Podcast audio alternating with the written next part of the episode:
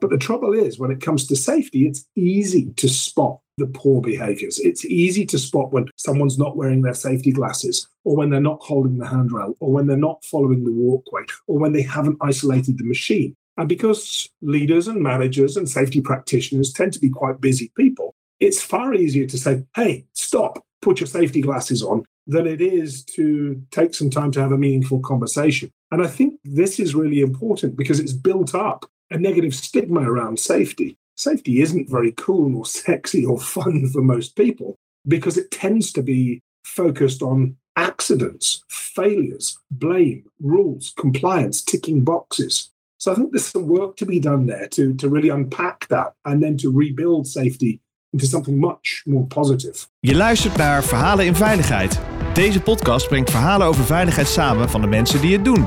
Met wisselende onderwerpen. Verhalen vanuit de wetenschap, verhalen vanuit de praktijk, maar vooral verhalen die raken uit ons mooie vak. Uw presentatrice Orlie Porlak.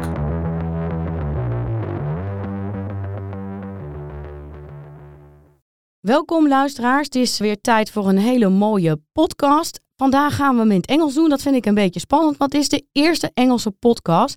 Maar dat moet ook wel, want ik heb een internationale beroemdheid uitgenodigd. Ik ben daar heel erg blij mee. Professor Dr. Andrew Sharman. Professor Dr. Andrew Sharman is the managing partner of RMS, a global consultancy specializing in culture and leadership, supporting organizations around the world through industry sectors including mining, construction, oil and gas, pharmaceuticals, and FMCG.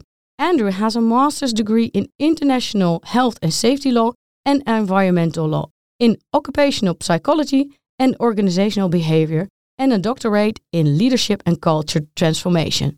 Andrew is the author of 10 books on safety culture, leadership, well being, and resilience. His first book, From Accidents to Zero, is the global bestseller on safety culture, with over 90,000 copies sold. It's a long list of all kinds of achievements. If you want to learn more about Andrew, please visit the website in the bio, see the whole list of books and all his achievements. I'm very proud and honored that you are here, Andrew, because today we are going to talk about total safety leadership. Welcome. Thank you. It's great to be here with you. So, we like to know, me and the listeners, what is total safety leadership? Total Safety Leadership is a program. It's a learning development program for leaders, for managers, operational leaders and managers, and also occupational health and safety specialists. It's developed on the back of, of the book that you mentioned, From Accidents to Zero. It's an innovative, practical, interactive workshop program that highlights the essential leadership, culture, and behavioral aspects of workplace safety so that people are able to systematically move their organization forward on their journeys from accidents to zero. And you say innovative. What is so different on your program? What is your philosophy? Well, I guess what's so different in this program is clear at the end of it. So typically, uh, about 5,000 leaders go through this program every year. We've been running it for several years now. And normally at the end of the program, participants say to us, Wow, you know, this wasn't actually about safety. This is about leadership. I can apply all of these tools and techniques to anything that I'm doing in the business. I can use all of this to improve safety, to improve productivity, to improve quality. So I guess that's the difference about this. So what we're trying to do is reposition the philosophy of safety. Many leaders and many occupational health and safety professionals continue to focus on the number of accidents as the most important thing. And the philosophy traditionally has been about preventing accidents, focusing on stopping the bad stuff happening.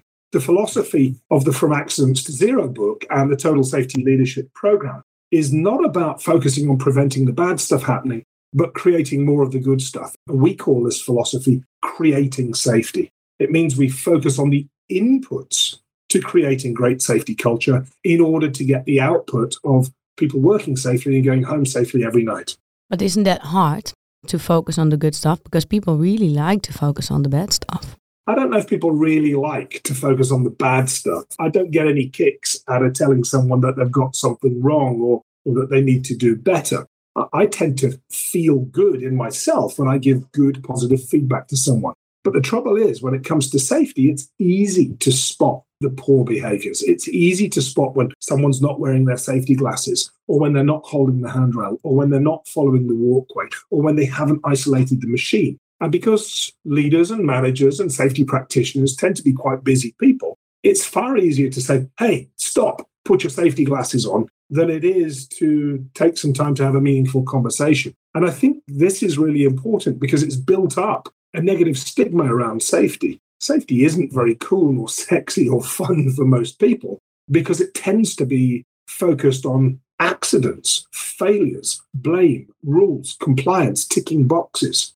So I think there's some work to be done there to, to really unpack that and then to rebuild safety into something much more positive. But isn't it difficult to see the positive because then you have to know why you are successful. So if I'm a leader and you are my employee and I want to enhance your positive safety behavior, I have to understand what you are doing that makes you successful.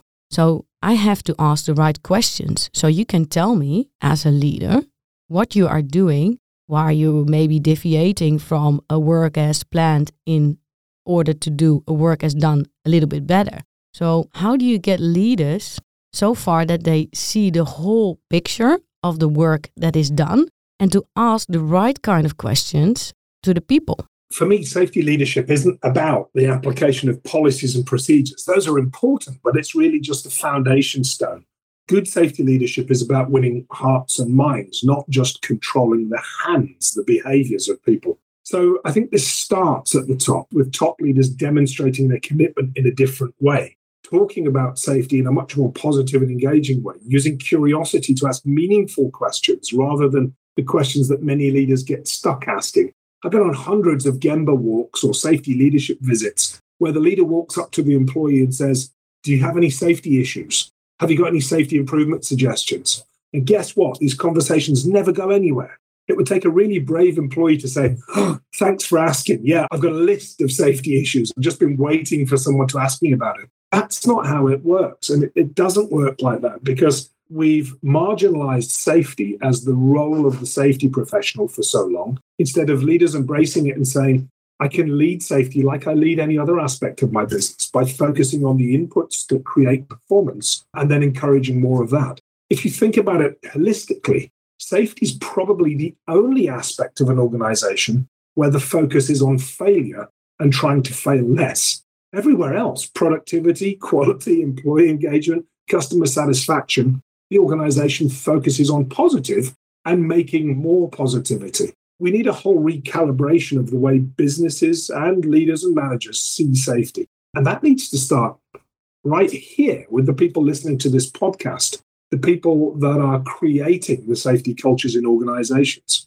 But isn't the problem also the definition of safety. Like if I looked at our Dutch clients, we really believe that the thinking is not in the doing. So we have leaders, people in the board, they come up with policies, with visions, missions, and the work as planned. And to measure failure, they use their own reference. So also the failure is a little bit disputable. I had a professor last week in the podcast. He says, we call things a lot of times failure, but you can wonder if it's really failure of just being really creative in finding solutions for the complex situation you're at. Yeah, look, I think talking about measurement of safety, for so long, the primary metric for many organizations has been the accident frequency rate or the total recordable injury rate. Whichever variation that you're focused on, it tends to be about measuring the number of times we failed and had an accident as an outcome, and then trying to fail less. And this is looking in the wrong direction. We're looking in the rear view mirror here because the accidents have already happened. They're in the past. Now, if you step out of safety for a minute and think about driving your car, how much time do you spend looking in the rearview mirror? Only a small amount of time. It's important. You're making sure there's nothing going to come up and bite you from behind. But you spend most of your time looking in the direction of travel towards the destination. And that's what we need to do in safety. We've got to start looking towards the vision of what we want to achieve. And that takes us back to your question about, well, what actually is safety? Safety isn't position driven. It's not the policy that comes down from the top signed by the CEO. These are just words in most cases. Safety is much more action focused, it's the inputs. And I think one of the things that many organizations need to start with is defining what the word safety actually means for them. And you can do this by talking to the workers and saying, when we use the word safety, what does it mean? When we use the word safety, what are the phrases that we tend to use? What do we tend to talk about? And I think many organizations think that safety is about saying safety first, zero harm, zero accidents, lost time injury rates, all that sort of stuff. And that needs to change. Let us imagine that I'm a leader. In order to change the language, the talk of the day, I need to change as well. So, if I want to become a new leader, looking forward, looking into the positive, and steering on outcome instead of looking in my back mirror of my car, what do I need to change? What do I need to think? So, I think there are some keys that every leader can start with.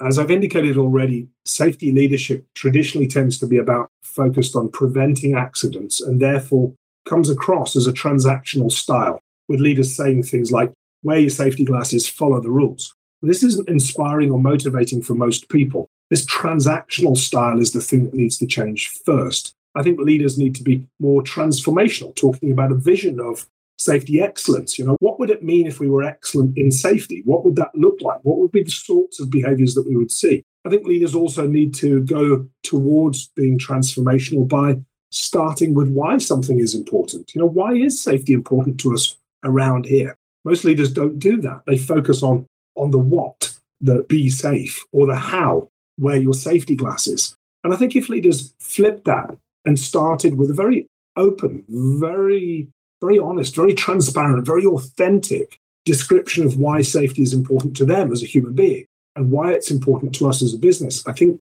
that's a great place to start. Start with why.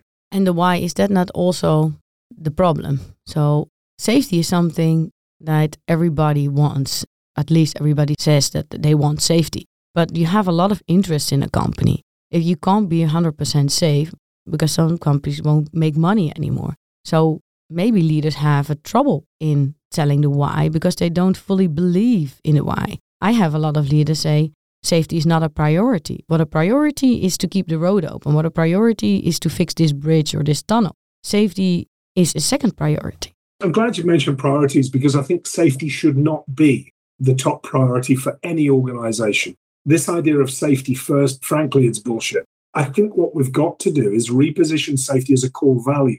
And how we do that is through our language, through the language of leadership, whether we're operational leaders or safety leaders our language needs to change. So instead of saying safety first, safety is our top priority, we weave safety into the fabric of how we do what we do. So we might say, for example, we make great quality products safely, or we work safely, or we don't work. This isn't about priorities because priorities are always in competition. Every Friday afternoon, I make a list of the things that I need to do the next week. I use a yellow highlighter pen to highlight the priorities. And then I take a red pen and put a cross next to the one that's my top priority. And you know what happens? Monday morning, I'm full of enthusiasm. I know what my priority is, but then something else gets in the way. I get a call from a CEO saying, We've had a fatality. We need some help. Or there's a problem with something that I've got to deal with that feels more urgent. So even though something has been identified as my priority, it doesn't get dealt with first. And quite often, Tuesday, Wednesday, or even Thursday, I may not have started work on that priority because so many other priorities took higher positions. And that's the same with safety. I think too long, the language of safety first has got in the way of making better safety culture. So, repositioning safety as a value, part of how we do what we do around here, the thing that part of the things that are most important to us as a business, I think that's a smarter move. Now people think, what have you seen in the companies you advise and consult? What is the pitfall of safety first? The pitfall of safety first is that leaders say it without conviction, and employees hear it and think, what a load of nonsense. We know it's not safety first. And we have an example of that. You know, here, this activity, we didn't put safety first then. The boss told us to just do it. You know, a few weeks ago, I was walking around a, a site here in Switzerland with a, a new client that had wanted to work with us. And the senior leader met me at the site gate and said, Welcome, Dr. Sharman. Very excited to have you here. Safety is our top priority. Just read this safety instruction before you set foot on site. And I already started to get that feeling. Then we were taken to the notice board, and the leader said, Look, here's our safety policy. You see safety first, it's our top priority. And then we walked into the factory, and she said, You see, here's our sign, safety first again. And sure, everywhere I looked, there was a big sign that said safety first. We went round the corner after about 10, 15 minutes to an area where there were some laboratories, and there was a big sign that said quality first. And I said, Is it quality first or safety first? And the leader started to get quite uncomfortable and said, Well, it's probably quality is important because this is the lab. And we went round another corner and there's a big banner hanging there and it said something first. It was difficult to read because the banner had fallen down on one side. And whilst we're looking at this banner, which I knew said safety first, I saw someone climb up the side of a stairway and hang off the side of the stairway, trying to reposition this banner. No fall arrest equipment, no safe working at height. And I said, Do you think this looks like safety first? And the leader said, No, it doesn't. We're confused and we are confusing people with what we mean. I'm really an advocate for getting rid of the language of safety first. Safety is our top priority and shifting it towards safety being part of who we are, part of what we stand for, part of our corporate value.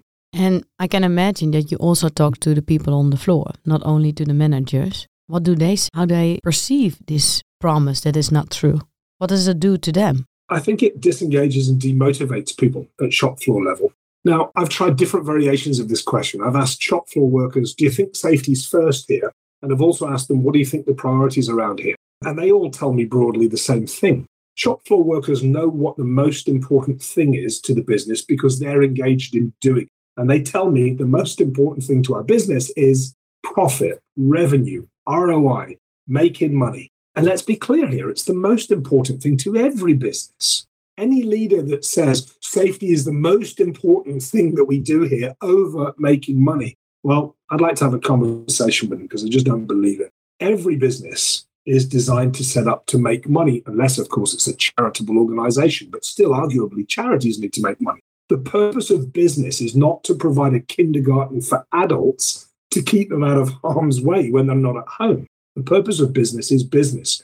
And so business and safety need to go hand in hand. Now, it's easy to say good safety is good business, but how is it demonstrated within the organization? Can the safety practitioners listening to this podcast demonstrate what return on investment looks like within their business when they focus on safety? Have they measured the cost of poor safety? You know, the International Labour Organization and various other bodies around the world have said that each lost time injury now costs somewhere between 25,000 and 100,000 euro per injury. Now, if you add up the number of accidents that you've had and times it by one of those figures or somewhere in between, and work out what the cost of accidents are to an organization, you can then think about the margin that the organization makes and work out how much more money in terms of sales of product the business needs to make just to cover the poor accident performance.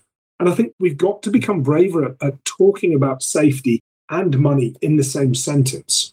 And I think a lot of people get hung up on that because they think, well, no, safety, you're talking about people's lives or people getting hurt. Yes, right. But they come to work, they're paid to come to work to do a great job to make money for the business and make money for themselves. So we've got to talk about these two things as if they're part of the same equation, not mutually exclusive. I can imagine that leaders can't do this alone. What does it mean for organizing teamwork, organizing a way of learning between work as planned and work as done? Right, leaders can't do this alone, but then leadership is never about doing things solo. Leadership is always about followership, it's about engagement. And I think that's the, the key theme of the Total Safety Leadership Program. It's allowing leaders to see that they need to engage others. You know, I teach at a number of executive business schools around the world and run a program at INSEAD, the business school near Paris in France, for executives around leadership and safety culture.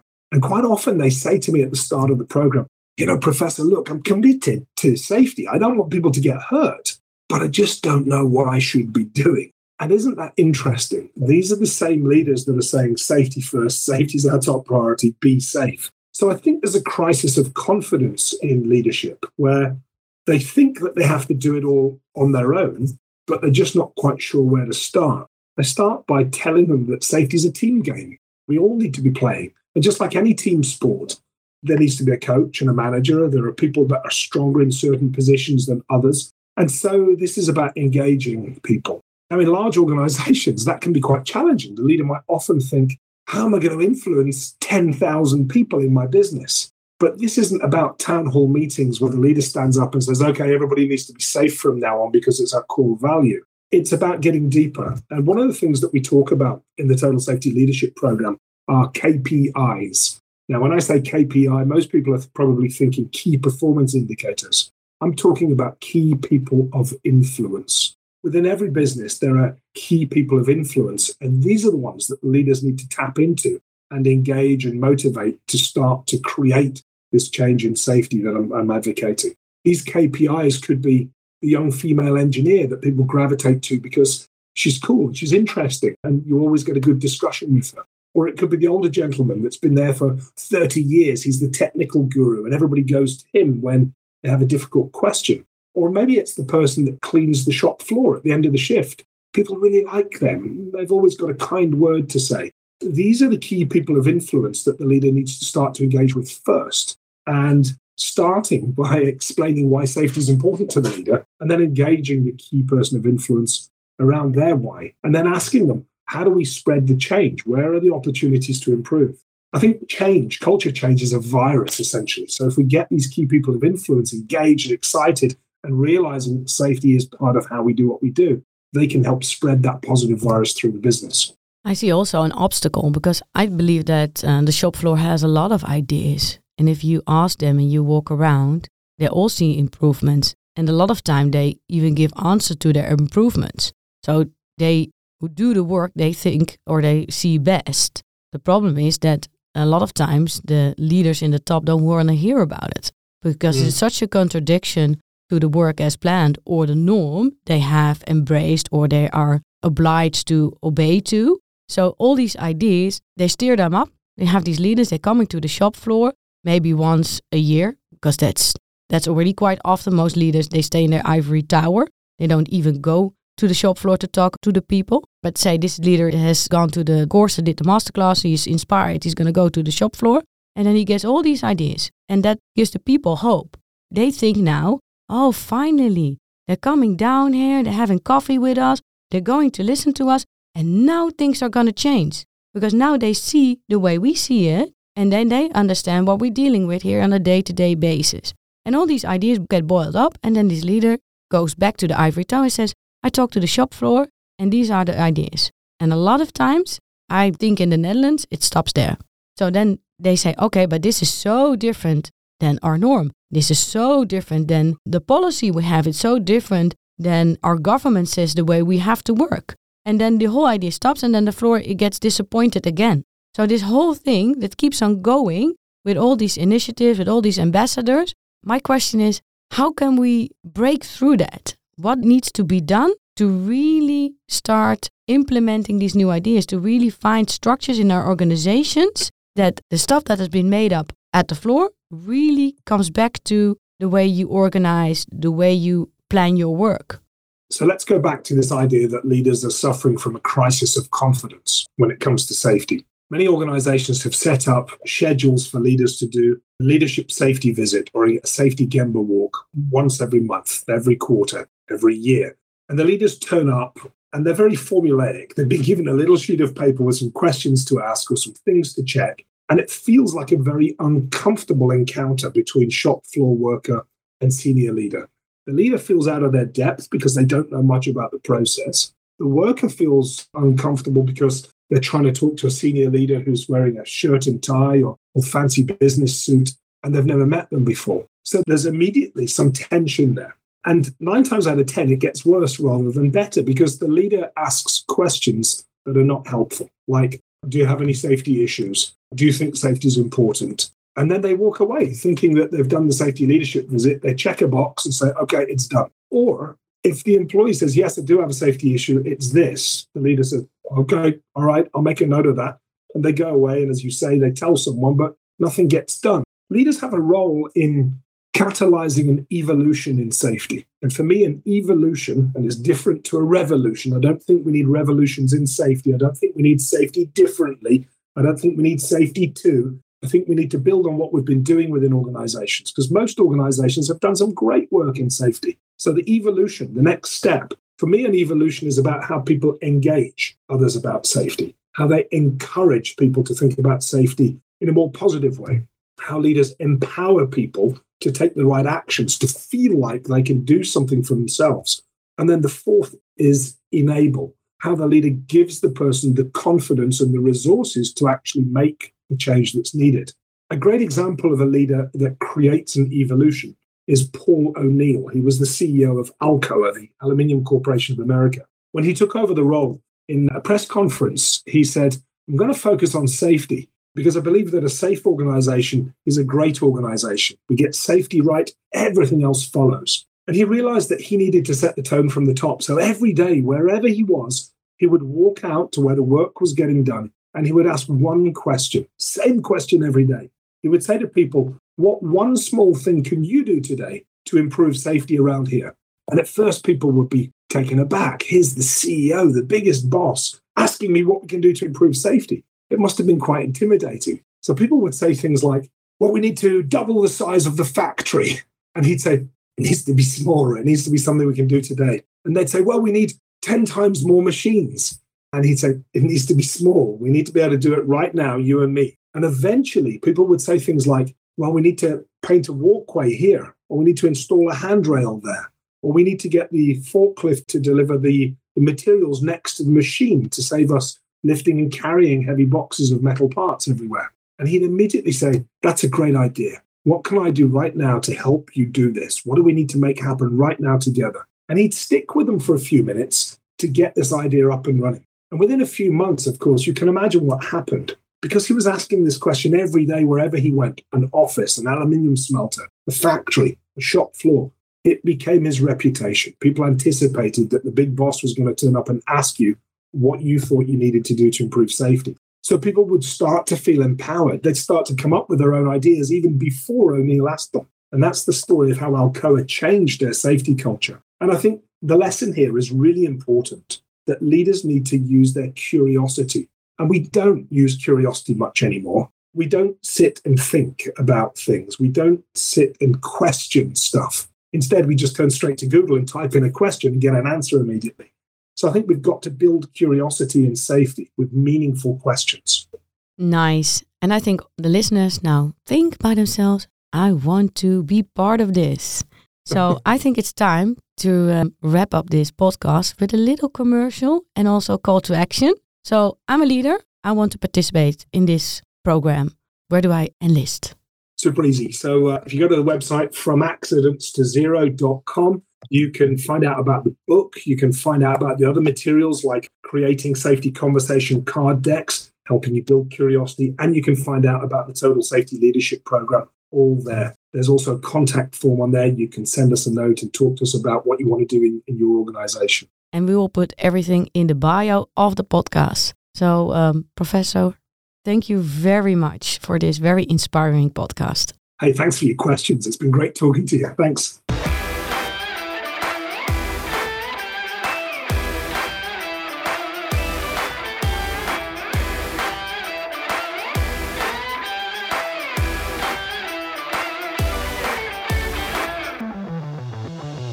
Je luisterde naar Verhalen in Veiligheid. Wil je niks missen van deze podcast? Abonneer je dan op deze podcast in je favoriete podcastplatform. Of laat een recensie achter via Apple Podcast. Dank voor het luisteren. Graag tot de volgende.